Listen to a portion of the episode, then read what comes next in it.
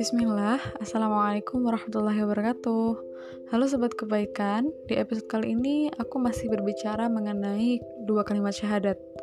Jadi kalau misalkan kemarin kita tahu bahwa Allah itu menjanjikan dengan dua kalimat syahadat ini kita bisa menaklukkan dunia Maka sekarang aku akan membahas perihal dua kalimat syahadat sebagai pintu masuk Nah maksudnya pintu masuk ke mana nih gitu ya pintu masuk ke agama Islam tentunya.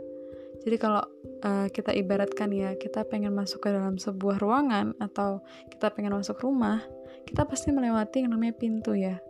Sama ketika kita ingin masuk ke dalam agama Islam gitu, maka wajib melewati pintu yang dinamakan dengan pintu syahadatain atau dua kalimat syahadat. Jadi kalau misalkan ada seseorang yang ingin kembali ke Islam, catat ya, kembali ke Islam ya, bukan pindah ke agama Islam. Maka orang ini wajib mengucapkan dua kalimat syahadat. Karena dua kalimat ini yang jadi pembeda antara orang-orang muslim dengan orang-orang kafir. Dan kalau kalian tahu, Allah itu hanya menilai kebaikan atau perbuatan seorang hamba ketika dia sudah mengucapkan syahadatain atau dua kalimat syahadat plus dia juga sudah balik. Jadi kalau misalkan ada seseorang yang sudah balik dan sudah mengucapkan kalimat syahadat, orang ini disebut sebagai mukallaf atau orang yang dibebani. Dibebani dengan apa? Dibebani dengan amanah-amanah yang Allah kasih. Pertama, menjadi khalifah fil art atau pemimpin di muka bumi dan yang kedua adalah beribadah kepada Allah. Jadi, biarpun ada orang yang banting tulang buat uh, berbuat kebaikan gitu ya ataupun bersedekah emas segede gunung atau misalkan menyantuni anak yatim setiap hari tapi kalau misalkan dia belum bersyahadat ya udah amalannya tuh sia-sia. Nggak akan Allah nilai gitu. Bahkan di dalam Quran surah Furqan ayat 23 di situ disebutkan bahwa amalan baiknya orang-orang kafir itu seperti debu-debu yang berterbangan. Jadi kayak cuman angin lalu. Ya apa sih gitu? Nggak bakal Allah nilai karena kamu belum bersyahadat gitu istilahnya ya. Nah ini sama seperti yang dialami oleh paman Nabi kita Rasulullah Shallallahu Alaihi Wasallam yakni siapa coba iya Abu Talib jadi Abu Talib ini orang yang menemani dakwah Rasulullah, membantu Rasulullah, merawat, mendampingi Rasulullah sampai menikah gitu ya. Tapi karena beliau belum bersyahadat, maka Allah mengharamkan paman Nabi ini surga. Jadi Abu Talib ini uh, diharamkan untuk masuk surga karena dia tidak mengucapkan kalimat syahadat sampai akhir hayatnya. Kemudian ada juga nih cerita salah seorang sahabat yang ditinggal ayahnya. Maksudnya ayahnya meninggal gitu ya. Tapi ayahnya sahabat ini tuh kafir gitu.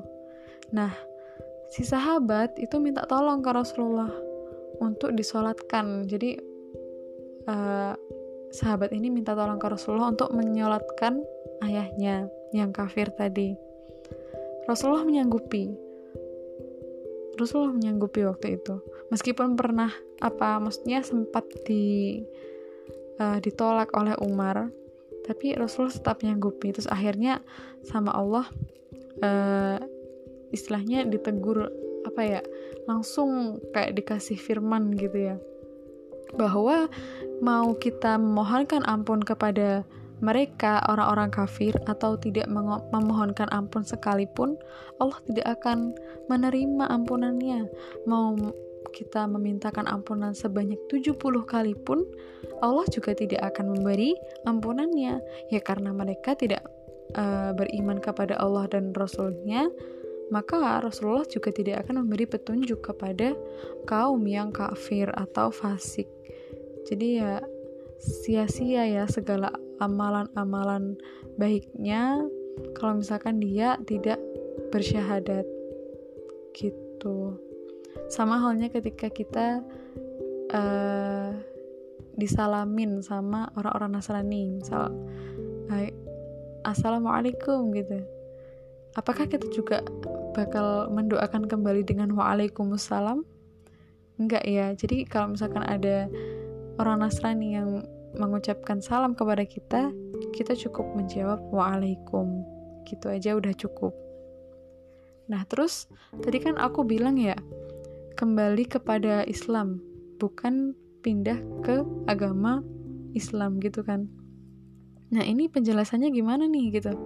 Jadi sebenarnya sebelum roh kita itu ditiupkan kepada rahim-rahim ibunda kita Allah itu mengumpulkan ruh-ruh kita ini di sebuah tempat yang mana hanya Allah yang mengetahui. Jadi di situ Allah menetapkan ajal kita, jodoh kita, takdir kita gitu. Dan di tempat ini juga roh-roh kita ini uh, dimintai kesaksian gitu. Jadi teman-teman bisa buka Quran surah Al-A'raf ayat 172 ya. Di situ Allah meminta kesaksian kepada para roh uh, uh, Allah tanya nih, bukankah aku ini Tuhanmu? Maka roh-roh kita ini menjawab, betul, engkau Tuhan kami dan kami menjadi saksi. Jadi di dalam uh, tempat itu kita udah dimintai kesaksian bahwa Allah itu Rabb kita gitu. Jadi uh, dari sini Rasulullah Shallallahu Alaihi Wasallam itu sampai bersabda gitu, setiap bayi yang lahir, maksudnya yang baru lahir gitu, dia dalam keadaan fitrah atau suci. Jadi orang tuanya gitu yang mengubah mereka jadi Nasrani, Majusi ataupun Yahudi. Jadi fitrah di sini tuh maksudnya uh, mengesahkan Allah ya atau bahasa gampangnya ya uh, dia mentauhidkan Allah gitu atau beragama Islam. Jadi bayi yang baru lahir itu sebenarnya dia uh, fitrahnya tuh sudah berislam, cuman yang mengubah dia menjadi Nasrani, Yahudi ataupun Majusi itu orang tuanya gitu.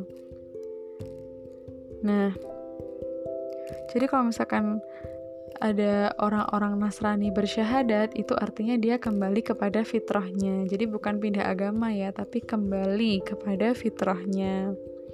Dan pada saat itu setelah orang Nasrani itu kembali pada fitrahnya, saat itu pula Allah membuka catatan amal baik dan buruknya. Jadi seakan-akan dia itu seperti baru lahir atau terlahir kembali gitu. Jadi catatan amalnya masih kosong. Baru akan diisi ketika dia telah mengucapkan kalimat syahadat tadi gitu. Nah, jadi kesimpulannya apa nih? Kalau misalkan ada orang yang beranggapan bahwa semua agama itu sama, terus cuma beda cara ibadahnya aja, atau yang penting berbuat baik pasti masuk surga gitu ya, itu salah besar. Jadi hanya dengan bersyahadat itu seseorang itu bisa masuk ke dalam surganya. Jadi kalau misalkan orang-orang di luar Islam ya dia mau baiknya setulus apa pun itu ya nggak bakal masuk surga karena uh, surga ini diperuntukkan untuk orang-orang yang bersyahadat atau beriman kepada Allah dan Rasulnya. Ya mungkin itu dari aku cukup sekian ya. Aduh panjang banget nih. Jangan ngantuk ya dengerinnya. Ya semoga bermanfaat buat kamu aku dan kita semuanya. Uh, dari aku cukup sekian. Selamat uh, mendengarkan. Semangat menebar kebaikan. Wassalamualaikum warahmatullahi wabarakatuh.